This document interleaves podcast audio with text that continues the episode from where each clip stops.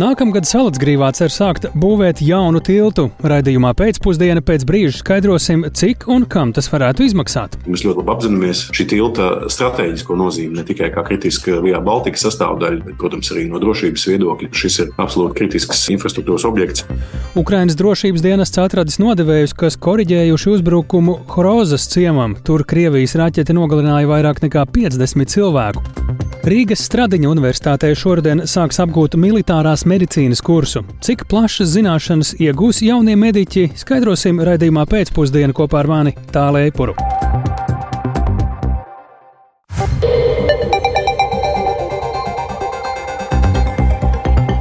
Pūkstens ir 16,5 minūtes. Skan pēcpusdienas ziņu programma, skaidrojot šodienas svarīgus notikumus. Studijā tālāk Eipurs. Labdien! Arī šonakt vairākos simtos skolu Latvijā saņemti tādi paši terorisma draudu e-pasti kā vakar, un policija jau līdz ar to laikus paziņoja, ka draudu līmenis ir zems un mācības skolās var notikt. Dažos bērngārzos gan izlemts šodien mācību procesu atcelt. Arī vakar tātad daudzās skolās notika darbinieku un skolēnu evakuācija. Tas nozīmē ne tikai pārtrauktu mācību dienu, bet arī to, ka daudziem vecākiem bija jāpamet darbs un jādodas pēc savām atvesēm. Vairāk par to, kādu tad ietekmi uz mācību procesu, uz ekonomiku šis notikums atstāja vai varētu atstāt stāstu Paula Dēvica. Aizvadītajā naktī ēpastus par it kā iespējamiem drošības draudiem saņēma aptuveni 400 pirmskolas izglītības iestādēs. Līdzīgi kā vakar, valsts policijā aicināja saglabāt vēsu prātu un neveikt evakuācijas pasākumus. Vakar vairākās izglītības iestādēs mācību procesu pārtrauca. Līdzīgi šodien lēma arī daļā bērnu dārzu, un tos uz dienu slēdza, neskatoties uz policijas rekomendācijām. Latvijas pašvaldību savienībā ziņo, ka īpaša kaitējuma mācību procesam nav, jo būtiskākais šajās dienās bijis rūpēties par bērnu drošību. Vienlaikus šodien veiktas pārunas ar drošības iestādēm iestādēm par to, kā rīkoties turpmāk, ja šādas situācijas rodas. Kopā ar pašvaldībām pieņemts lēmums par vienotu rīcību. Sākotnēji paziņot valsts policijai un tālākos lēmumus arī gaidīt no likumsargiem, nevis lemt pašās skolās vai pašvaldībās. Šāds lēmums pieņemts, lai izvairītos no scenārija, kad izglītības iestāžu reakcija uz notikušo atšķiras. Valsts kancelējā Latvijas radio skaidro, ka kopumā gan sabiedrība ar situāciju tikusi galā labi. Tomēr jāņem vērā, ka draudu vēstules atstāja sekas uz sabiedrību un arī iestāžu darbu. Pirmkārt, protams, daudz viet apstājās mācību process. Tāpat pamatīgi noslogot ir drošības dienesti. Turpina kancelēs stratēģiskās komunikācijas departamenta direktors Rihards Bambals. Tautsēmniecība, ekonomika, protams, tam noteikti ir kaut kāda ietekme arī uz to pašu, piemēram, skolu izglītības iestāžu ēdināšanas pakalpojumu, piemēram, plānošanu, nodrošināšanu, citiem aspektiem, ko noteikti atbildīgās institūcijas aplēsīs, bet nu, arī citādi, protams, ietekmē arī mūsu valsts vīrus ekonomiku kaut kādā mērā. Un visbeidzot, protams, nu, ikdienas ritma izjaukšana, galvā tas fakts, ka mēs šobrīd par šo tēmu runājam nevis par kādu citu tēmu. Šīs manipulācijas nonākšana nacionālajos mēdījos mūsu darba kārtībā izjaukt nevajadzīgi arī mūsu ikdienas ritmu. Runājot par ekonomiku, gan bankas Luminora ekonomists Pēteris Strautiņš skaidro, ka visticamāk notikušā tieša ietekme nebūs liela. Tomēr jāņem vērā, ka satraucoši notikumu uz tautsaimniecību sekas var atstāt arī pastarpināti, piemēram, ietekmējot patērētāju noskaņojumu. Tas nav uz kopējā fona nav nu, tik ļoti biedējošs notikums. Bet ir pilnīgi skaidrs, jā, ka pasaules ziņu fonds nu, galīgi neveicina pozitīvu noskaņojumu pēdējo pāris gadu laikā. Ja mēs skatāmies pandēmijas laiku, tad ne jau pēdējo 3,5-4 gadu laikā. Tā ir, ka mēs dzīvojam tādu stipri dramatisku, zināmā mērā biedējošu notikumu periodā. Strautiņš pašreizējo Latvijas patērētāju ekonomisko noskaņojumu gan skaidro kā relatīvi normālu, kas nozīmē, ka pagaidām patērētāju uzvedībā īpašas izmaiņas nevar gaidīt. Arī ekonomikas ministrijas rīcībā nav datu par tiešu draudu vēstuļu un to radīto seku ietekmu uz ekonomiku. Nav arī datu par to, cik daudz uzņēmumu darbinieki bija spiesti doties pakaļ saviem bērniem uz skolām un pārtraukt darbu. Tomēr ministrijā skaidro, ka visticamāk negatīvu ietekmi jūt pakalpojumu jomas uzņēmumi un atsevišķi ražošanas uzņēmumi. Savukārt tajos uzņēmumos, kuri raduši risinājumu darbības nepārtrauktībai, negatīva ietekme nesot jūtama.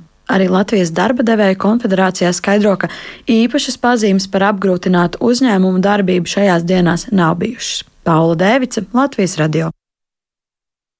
Un šobrīd eh, Paula ir raidījuma pēcpusdienas studijā. Burtiski šajās minūtēs, eh, pirms dažām minūtēm, jāsaka, tā ir noslēgusies drošības iestāžu, izglītības iestāžu pašvaldību kopēja preses konferences, kurā tika apkopota secinājums, sniegt arī jaunākā informācija par dienestu, izglītības iestāžu un pašvaldību darbu. Paula, sveiki! Saka, kādi ir tie svarīgākie secinājumi, ko tu saklausīji, un arī varbūt jaunākās ziņas un informācija par eh, to, ko amatpersonas šodien arī pavēstīja attiecībā uz šiem incidentiem?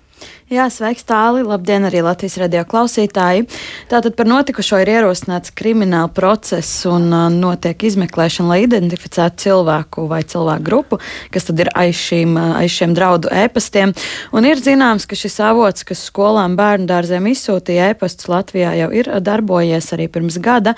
Tā ir secinājusi valsts policija, un gadu iepriekš līdzīgi ēpasti ir sūtīti ar, arī citām organizācijām, kā tiesām un tirzniecības centriem. Un, zināms, arī ka avots darbojas, darbojas arī Polijā un ASV. Un, jā, ir iz, iedarbināts šobrīd starptautiskās sadarbības mehānismi, piemēram, šobrīd policijā gaida informāciju no Eiropola, lai noskaidrotu, vai arī citās Eiropas valstīs ir vērojama šo darboņu aktivitāte.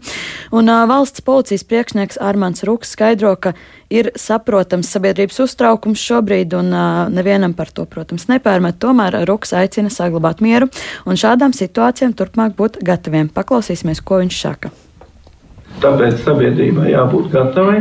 Jāsaprot arī tas, ka uh, šie noziedznieki uh, šādā veidā iegūst apstiprinājumu savu darbību, noziedzīgo darbību lietderībai.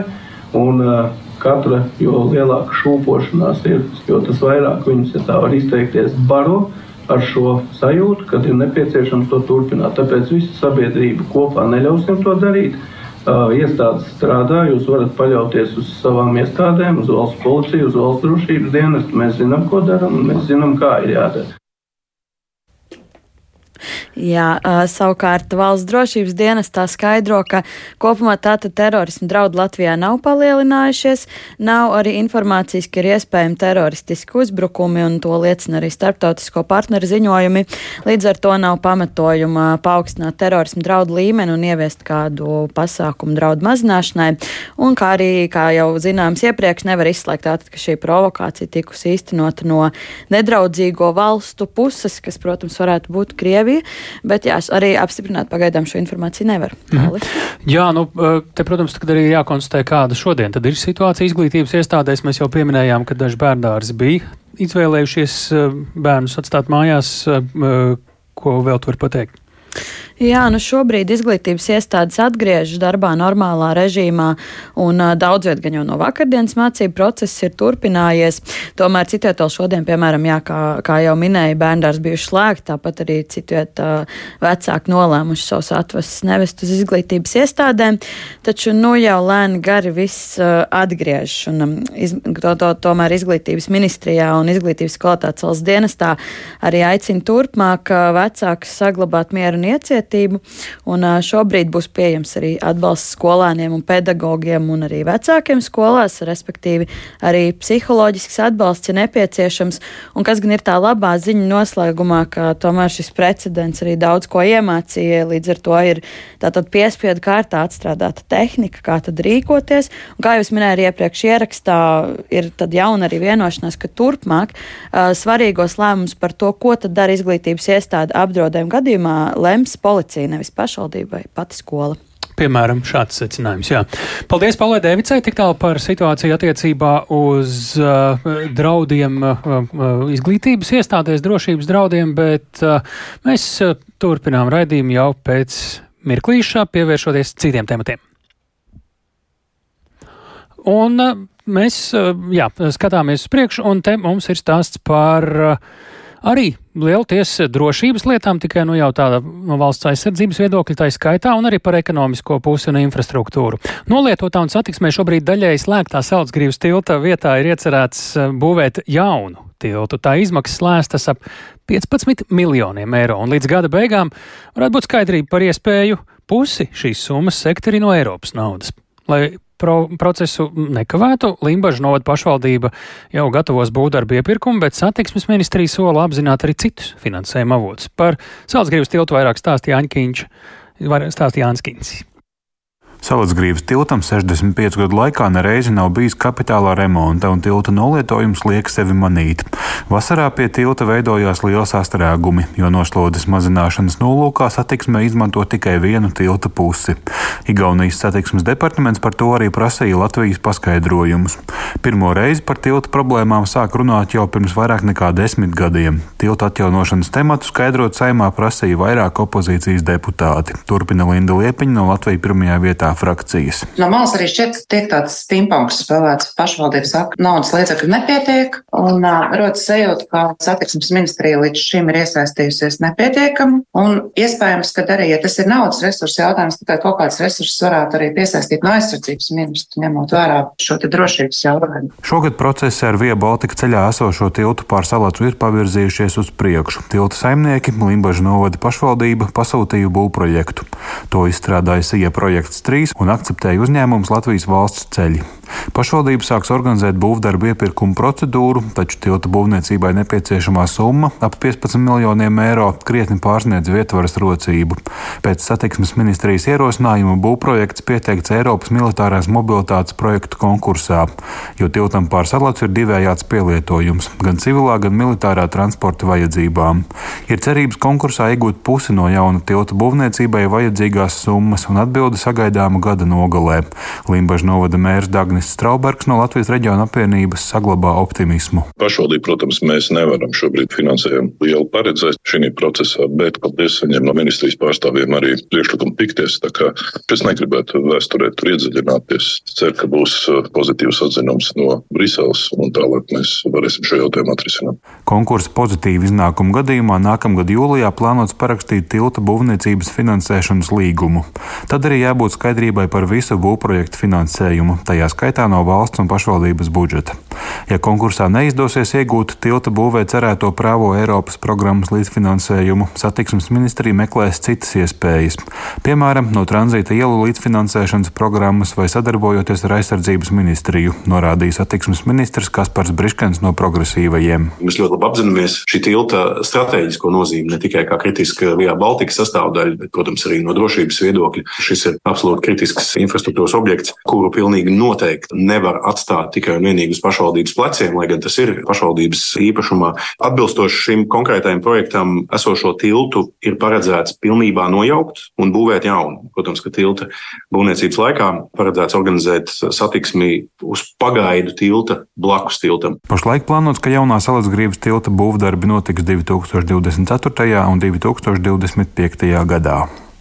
Jānis Kincis, Latvijas Radio.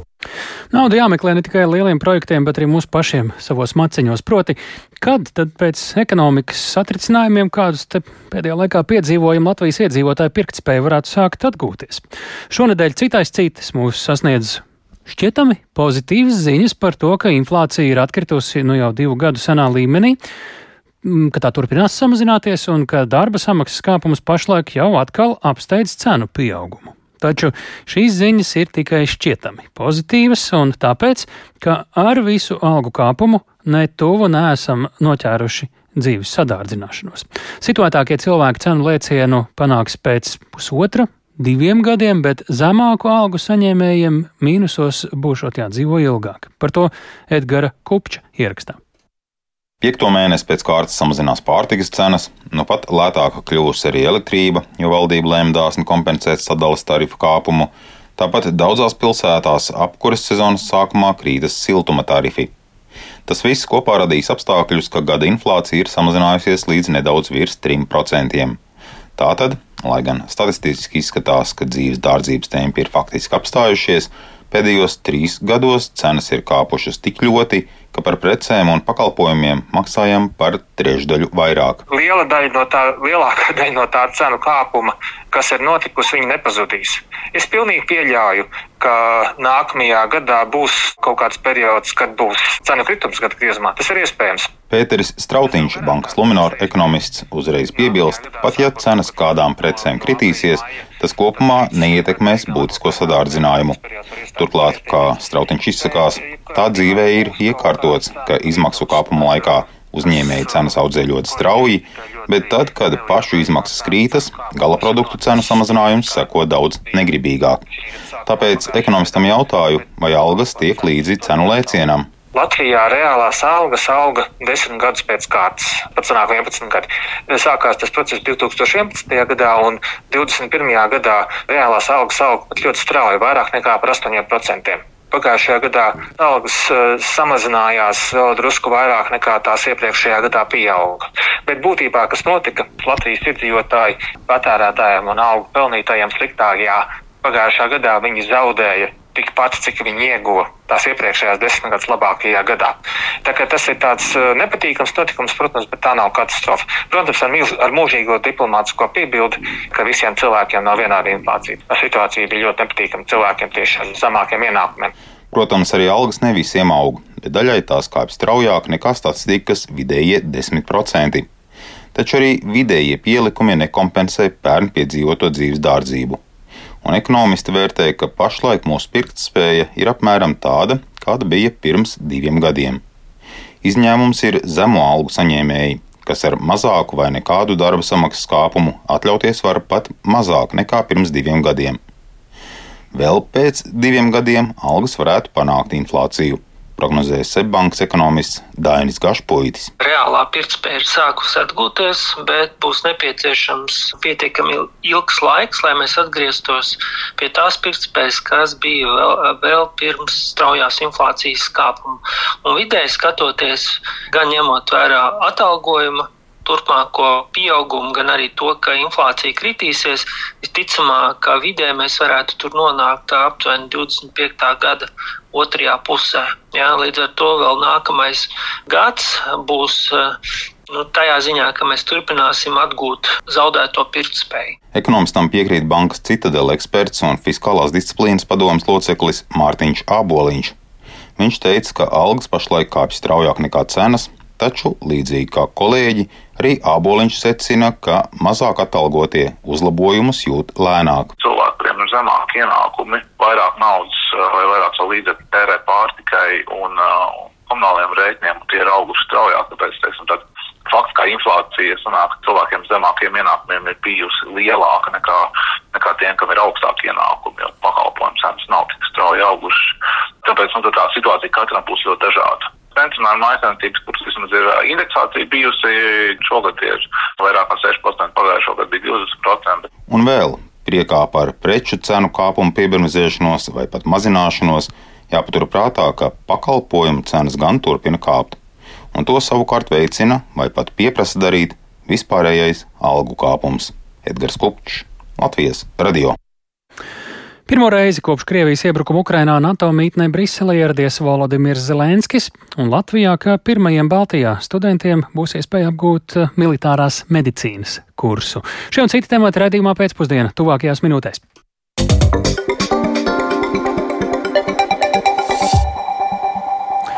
Pēc Krievijas raķetes pagājušās ceturtdienas trieciena Harkivas apgabala Hrozas ciemā esošajai kafejnīcai nogalināto skaits pieaudzis jau līdz 55 cilvēkiem. Tā šorīt ziņo Harkivas apgabala prokuratūras pārstāvis Dmitrijs Čubenko. Tikmēr Ukrainas drošības dienests identificējis divus nodevējus, kuri koriģējuši uzbrukumu Hrozas ciemam. Plašāk stāsta Rihards Plūme. Kā šorīt norādījis Harkivas apgabala prokuratūras pārstāvis Dmitrijs Čubenko, pēdējās diennakts laikā starp bojāgājušajiem Krievijas raķetes triecienā Hrozas ciemam tika identificētas vēl divas sievietes. Pirms tam viņas tika uzskatītas par bezvēsts pazudušām. Bojāgājušo līķu atpazīšana joprojām turpinās. Jau identificēti 55 līķi, starp kuriem ir arī viens bērns, bet vēl trīs cilvēki tiek uzskatīti par bezvēsts pazudušiem. Bērnu starp viņiem nav. Tātad kopējais nogalināto skaits varētu sasniegt 58 cilvēkus. Krievija te jau pirms nedēļas ar raķeti Iskander trāpīja kafejnīcē Harkivas apgabala Hrozes ciemā, kur uz bēru mielastu pēc karavīra pārabedīšanas bija pulcējušies vairāki desmiti cilvēku. Ciemā joprojām sēro par vienu no asiņainākajām traģēdijām kopš atkārtotā Krievijas iebrukuma. Katru dienu ciemā tiek apglabāti mirušie. Tikmēr Ukrainas drošības dienas identificējis divus nodevējus, kuri koriģēja precīzo Krievijas raķetes uzbrukumu. Uzbrucēji izrādījās divi vietējie iedzīvotāji - 30 gadus vecais Volodimirs Mamons un viņa jaunākais brālis - 23 gadus vecais Dmitro Mamons, kuri reģiona okupācijas laikā pārgājuši Krievijas pusē. Par to abi saņēma amatus okupācijas Harkivas apgabala militāra civilās pārvaldes iekšlietu departamenta rindās. Reģiona atbrīvošanas priekšvakarā abi nodevēji kopā ar ģimenēm aizbēga uz Krieviju, kur turpināja strādāt par labu iebrucējiem. Pēc Krievu okupantu norādījumiem viņi attālināti sāka veidot savu informatoru tīklu Ukrainas kontrolētajā teritorijā. Lai to paveiktu, viņi darbībās slepus iesaistīja savus radiniekus, kaimiņus un paziņas no atbrīvotajām Harkivas apgabala pilsētām pilsētām. Dažādu sarunu laikā nodevēji izvilka no cilvēkiem informāciju par aizsardzības spēku izvietojumu un masu pasākumiem reģionā. Turpina drošības dienesta pārstāvis Arķoms Dehtjarenko. За даними слідства, від початку жовтня цього року обидва фігуранти почали Izmeklēšanā noskaidros, ka no šī gada oktobra sākuma abas iesaistītās puses sāka vākt informāciju par plānoto kritušā ukraiņu aizstāvja pārabedīšanu Hrozas ciemā. Tajā pašā laikā viņi saprata, ka ienaidnieka uzbrukuma rezultātā civiliedzīvotāji, viņu paziņas no Hrozas ciema, tostarp tie, kas viņiem sniedza informāciju, noteikti mirs. Uzzinājis precīzu miermīlīgā notikuma adresi un laiku, Volodimirs Mamons nodeva šo informāciju Krievu okupantiem. Saņemto informāciju Krievi izmantoja, lai izmantojot operatīvi taktisko raķešu kompleksu Iskander M, veiktu mērķtiecīgu uzbrukumu Ukrainas ciemam. Tā kā abi nodevēji slēpjas Krievijā, tiek veikti visaptvaroši pasākumi, lai noskaidrotu viņu atrašanās vietu un viņi tiktu sodīti. Šādos un līdzīgos Krievijas brutālajos uzbrukumos tiek nogalināti ar vien vairāk civiliedzīvotāju, bet cīņās frontē turpina mirt Ukrainas aizstāvji. Tikmēr dzimstība Ukrainā krīt. Vēl pirms Krievijas pilna mēroga iebrukuma satraucoši zemais dzimstības līmenis ierobežoja Ukrainas iedzīvotāju skaita pieaugumu. Karš situāciju ir krasi sāsinājis, un eksperti aicina rīkoties. Šā gada pirmajā pusē Ukrainā piedzima par 28% mazāk zīdaiņu nekā tajā pašā laika posmā 2021. gadā. Saskaņā ar Ukrainas Nacionālās zinātņu akadēmijas pētnieces Hellas Libanovas aplēsto sliktāko scenāriju, pašreizējais iedzīvotāju skaits, kas ir aptuveni 37 miljoni, nākamo desmit gadu laikā varētu samazināties līdz 26 miljoniem. Pētnieces ieskatā kara ietekme uz Ukrainas dzimstību šogad ir kļuvusi daudz izteiktāka. Dzimstības statistikā, ko Ukrainā apkopo, nav ņemti vērā dati par Ukrainas bēgļiem piedzimušajiem bērniem vai tiem, kas dzimuši Krievijā. Ukrainas sociālo un ekonomisko pētījumu centra direktors Dmitro Bojarčuks uzskata, ka valdībai nekavējoties jārēģē uz iedzīvotāju skaita samazināšanos. Viņa prāt jāīsteno atbilstošas ekonomikas reformas, ņemot vērā, ka strādājošo iedzīvotāju skaita samazināšanās radītu slogu pensiju sistēmai. Rihards Plome, Latvijas radio.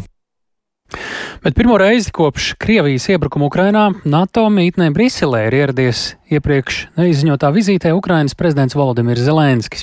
Šodien no rīta tur NATO valstu aizsardzības ministri spriež par drošības situāciju reģionā un turpmākajiem soļiem Ukrainas atbalstam. Zelenskis jau lūdzis NATO vairāk ieroču un pretgaisa aizsardzības sistēmu, lai spētu pārvarēt gaidāmo ziemas teroru, viņa vārdiem sakot, un skaidroja, ka jau tagad rietumu palīdzība Ukrainai ir ļāvusi Krieviju nospiest uz ceļiem. Par sanāksmes norisi tagad jau ir gatavs pastāstīt mūsu Briseles korespondents Arķoms Konohaus. Sveiks, Arķom, vai šajā sanāksmē varētu arī būt gaidāmi kādi Ukrainai pozitīvi jaunumi, paziņojumi? Jā, labdien, tālu, labdien, klausītāji. Domājams, ka tiešām pozitīvi paziņojumi varētu būt gaidāmi. Faktiski tādi daži jau ir izskanējuši.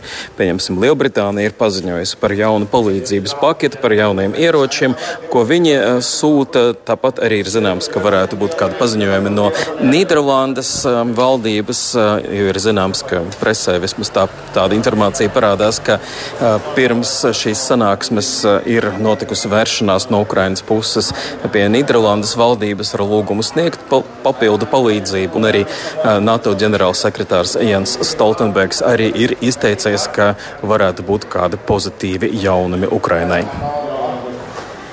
Jā, Arčom, vai konflikts Izrēlā uh, nav temats, kas aizēno karu Ukrainā, jo nu, nu, NATO valstīm šajā gadījumā nu, būtu grūti iedomāties, ka par Izraelu netiek runāts un vai tās spēj sadalīt šobrīd uzmanību, jo sākotnēji šis ir bijis iecerēts kā tieši vairāk par Ukrainas tematiku runājošs. Runājuši sanāk. Jā, tik tiešām. Tik tiešām, protams, bija paredzēts sākotnēji runāt galvenokārt par Ukrainu. Jāsaka, ka jau Armēnijas un Azerbaidžānas konflikts Kalnu Karabahā ir daļēji aizvainojis un novērsis uzmanību no Ukrainas. To mēs varējām redzēt pagājušajā nedēļā Eiropas līdera sanāksmē Granādā. Un arī tad, līdz ar to šī sanāksme bija domāta kā tāda, kas varētu būt atjaunot uzmanību tieši Ukrainai.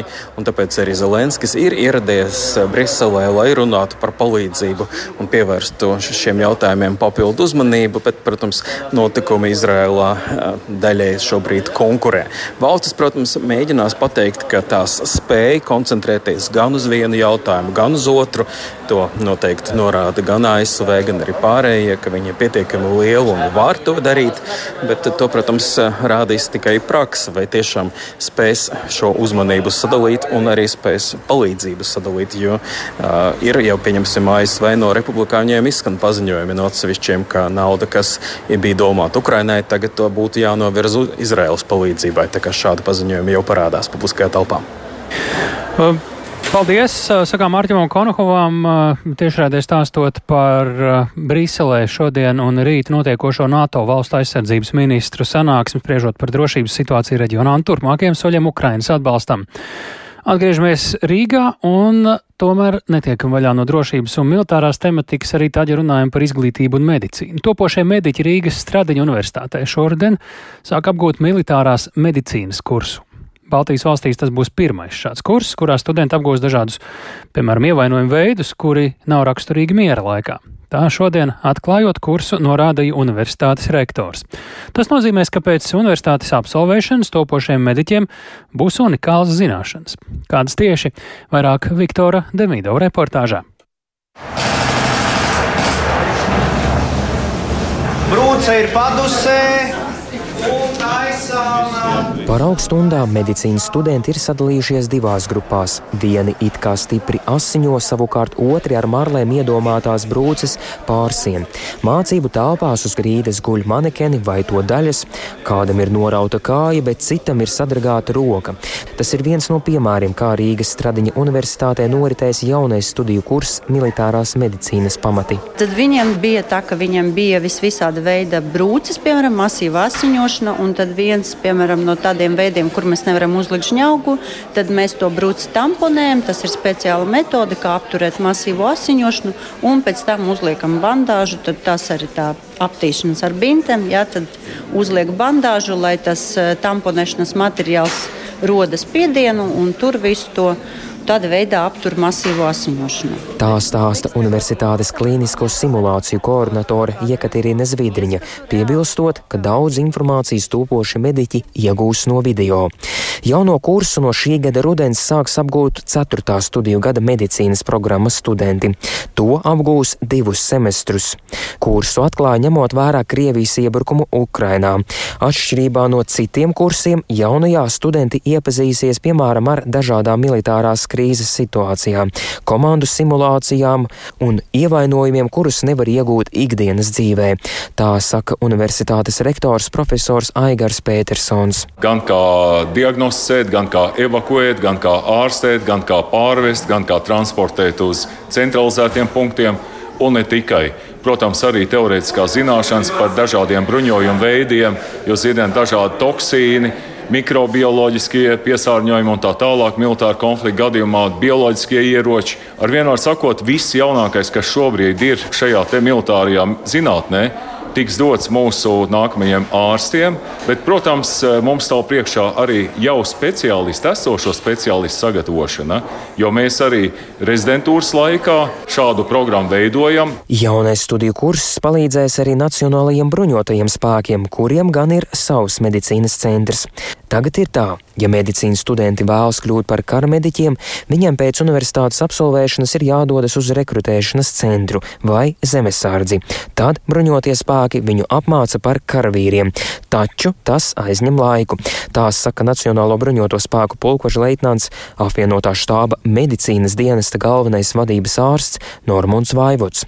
Viņš atzīmē, ka apgūstot jauno kursu, topošais ārsts agrāk sapratīs, kas ir militārā medicīna. Jo, ja nav saistīts ar bruņotiem spēkiem nekādā veidā, tad viņam atliek tikai dzirdēt mītus, cerēt kaut kādu maģisku ārstniecību kara laikā. Jā. Lai gan militārās medicīnas pati būtība ir esošo medicīnas tehnoloģiju pareiza izmantošana militāro operāciju laikā. Un tā ir cieši saistīta arī ar civilās aizsardzības katastrofu medicīnu. Līdz ar to viņam būs saprata un būs, varbūt mēs ceram, arī interese izdomāt savu turpmāko dzīves profesionālo piepildījumu. Jaunā kursa izveide varētu izmaksāt pat miljoniem eiro, jo, kā atklāja universitātes rektors, viena lēle, ar kuru strādā studējošie, maksā tikpat, cik augstākās klases Mercedes. Un tādu manekenu vajag desmitiem. Lai kursu šomēnes sāktu, viss vajadzīgais jau ir nodrošināts, saka Petersons. Militārās medicīnas pamatu kursu tuvākajos gados paredzēts ieviest arī medmāsu ārstu palīgu un citu programmu sarakstā. Viktors Demidovs, Latvijas radio. Un šobrīd pie mūsu klausos Rīgas Stradiņu Universitātes medicīnas fakultātes militārās medicīnas docētāja grupas vadītājs, asociētais profesors Vladimirs Vojcehovskis. Labdien! Labdien! Nu, pameklējot, kas tad mums darbojas militārās medicīnas virzienā, mēs redzam, ka jūsu augstskolā ir militārās medicīnas pētījuma un studiju centrs. Šodien iepazīstināt arī ar šo medicīnas izglītības tehnoloģiju centru. Redzam arī, ka Nacionālo bruņoto spēku militārās medicīnas centrs pastāv. Kādu diagnozi jūs īsi dažos vārdos dotu šobrīd tai militārās medicīnas nozares un izglītības attīstības stadijā Latvijā? Kur mēs esam? Uh, mēs esam uh, ceļa sākumā.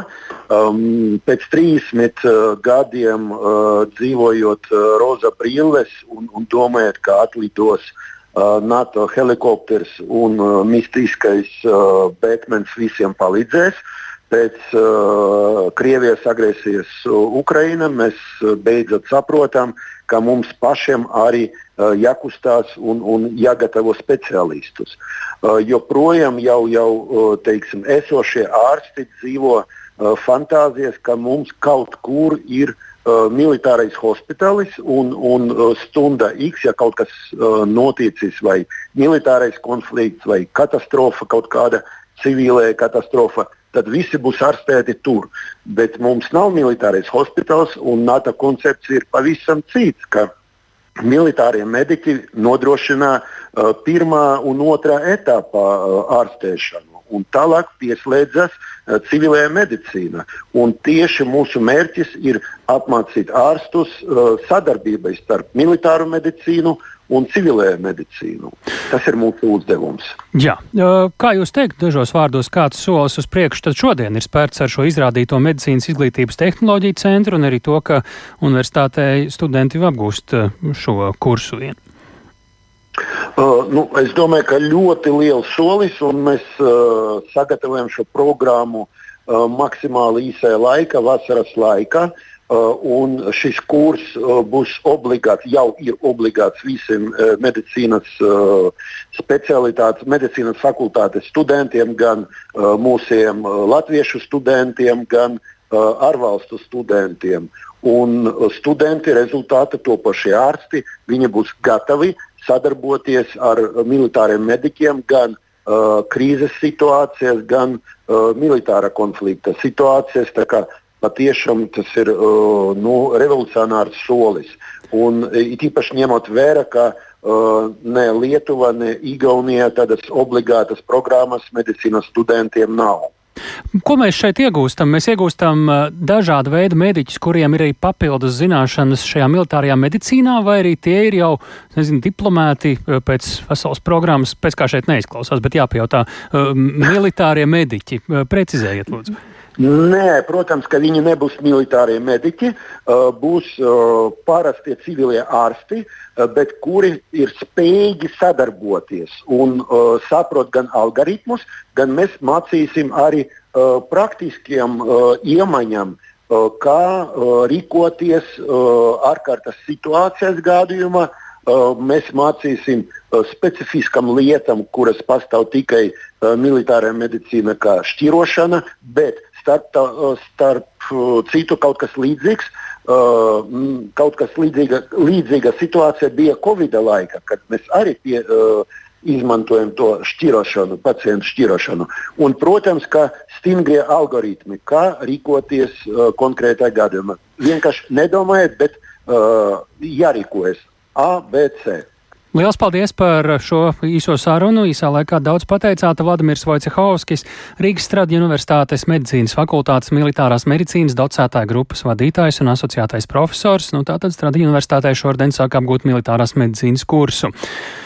Bet vai Latvija panāks Parīzes Olimpisko spēļu, vai precīzāk sakot, Paralimpisko spēļu boikotu, ja tajās startēs agresoru valsts sportisti? Latvijas Paralimpiskā komiteja šobrīd aktīvi strādā, lai visas Eiropas mērogā vienotos par šādu iespējamu reakciju, ja Startautiskā Paralimpiskā komiteja atstās spēkā savu pirms pāris nedēļām pieņemto lēmumu ļaut Francijā startēt arī krieviem un baltkrieviem. Latvijas puse ir ciešā saziņā ar Ukraiņiem, lai sakotu viņu lēmumiem par spēlēm Parīzē, taču šobrīd šobrīd svarīgākais ir panākt Eiropas Paralimpiskās komitejas ārkārtas kongresa sasaukšanu, un tas varētu notikt Rīgā. Vairāk tūdaļ ir gatavs mums pastāstīt kolēģis Mārtiņš Kļavinieks, viņš mums pievienojas tieši raidē. Sveiks, Mārtiņ! Nu, sanāk, ka tieši Latvijas Paralimpiskā komiteja šim stāstam arī ir tā galvenā iniciatore.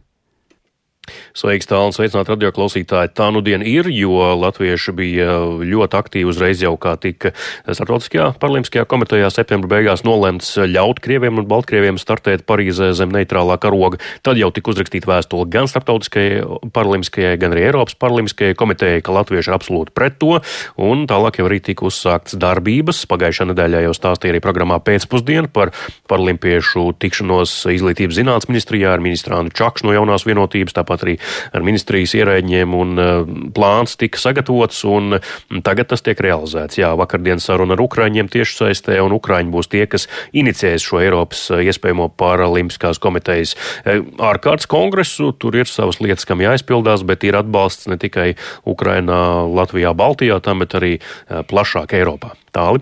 Jā, nu tad kas tad šobrīd jau ir paveikts, un pie viena arī, cik tad vispār reāli, ka Startautiskā paralimpiskā komiteja varētu mainīt savu lēmumu Krieviem, Baltkrieviem uh, attiecībā uz viņiem, nu, pieņemot, ka, nu, it kā jau viņi pavisam nesen uh, izsvēra un izlēma.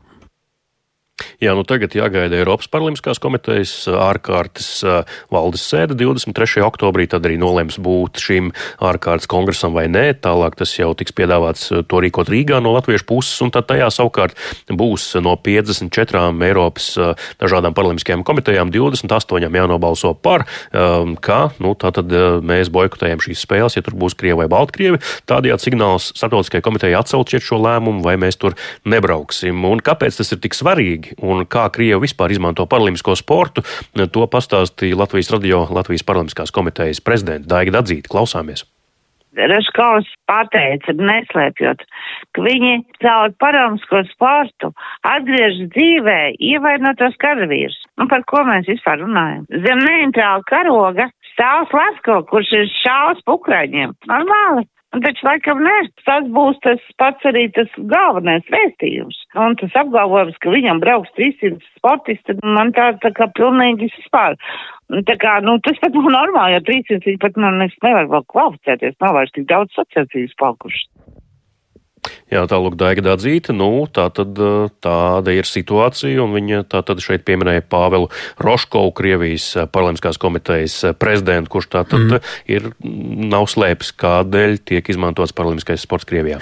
Jā, nu, ir zināms, ka Krievija tā tad sev šo labvēlīgo lēmumu panāca, nu, jau var tā teikt, diplomātiskā ceļā. Latvija arī izmanto šīs svirs, darbojas līdzīgi. Jā, Krievija esot maksājuši Āfrikas un laikam arī dažām Āzijas valstīm. Precīzas informācijas man nav tā tāda neoficiāla data no Latvijas Paralimpiskās komitejas, bet Āfrikas valstīm noteikti par konkrētu balsojumu septembra beigās un arī dažādos diplomātijas lauciņos strādājuši. Jā, Latvijas Paralimpiskā komiteja ir vienojusies ar izglītības un zinātnes ministriju, ka Anda Čakša ministre aicinās uz šo ārkārtas kongresu, ja tas notiks Rīgā, visu šo 54 Eiropas um, valstu um, ministrus, kas atbildīgi par sportu lai arī diplomāti būtu klāt un redzētu, cik tas ir svarīgi, un arī viņi savā lauciņā strādātu. Anna Čakša arī pagājušajā nedēļā Latvijas radio teica, ka arī iesaistīs ārlietu ministriju visā šajā procesā. Tā kā lieta nopietna. Paldies! Mēs sakām Mārtiņam Kļaviniekam, tā tad eh, iniciatīva panākt, eh, lai Parīzes paralimpiskajās spēlēs eh, nepiedalītos agresoru valstu sportisti. Bet šis bija ziņu raidījums pēcpusdiena. To veidoja Tālis Eipors, Lauris Zvejnieks, arī Renārs Šteimans un Kristaps Runģis. Un, ja vēlties šo pārraidi noklausīties vai ieteikt kādam citam vēlreiz, klausīšanai. Dalieties Latvijas radio mobilajā lietotnē, tas ir iespējams arī raidierakstu lielākajās platformās. Tiekamies rīt pēc ziņām 4 un 5.